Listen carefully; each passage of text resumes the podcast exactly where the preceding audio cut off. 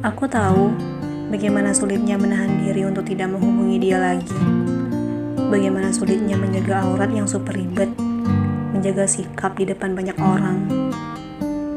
Aku mengerti betapa susahnya menjauhkan lidah dari perkataan kotor, buruk, atau hanya sekedar candaan, namun menyinggung perasaan tanpa sadar. Aku juga paham betapa kuatnya keinginan untuk kembali ke masa itu. Masa di mana hidup bebas tanpa batas. Ketika perasaan mulai berkecambuk untuk melakukan maksiat lagi, ketika itu betapa dahsyatnya diri bertarung dengan nafsunya sendiri. Tapi tenang, kamu tidak sendiri. Siapa pun yang memutuskan untuk berjalan menuju sang ilahi, maka setiap detik yang ia miliki akan menjadi pertempuran sejati tetaplah melangkah ke depan dan terus perbaiki diri. Jangan sesekali mundur, bahkan berhenti.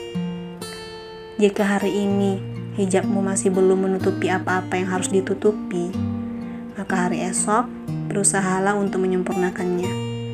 Jika hari ini masih menjalin hubungan dengan doi yang belum pasti, maka hari esok berusahalah untuk membuat kepastian sesuai dengan syariatnya.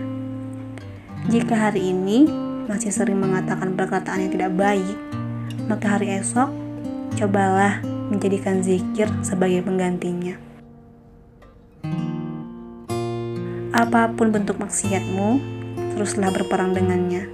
Jangan berhenti, sekalipun jangan berdamai.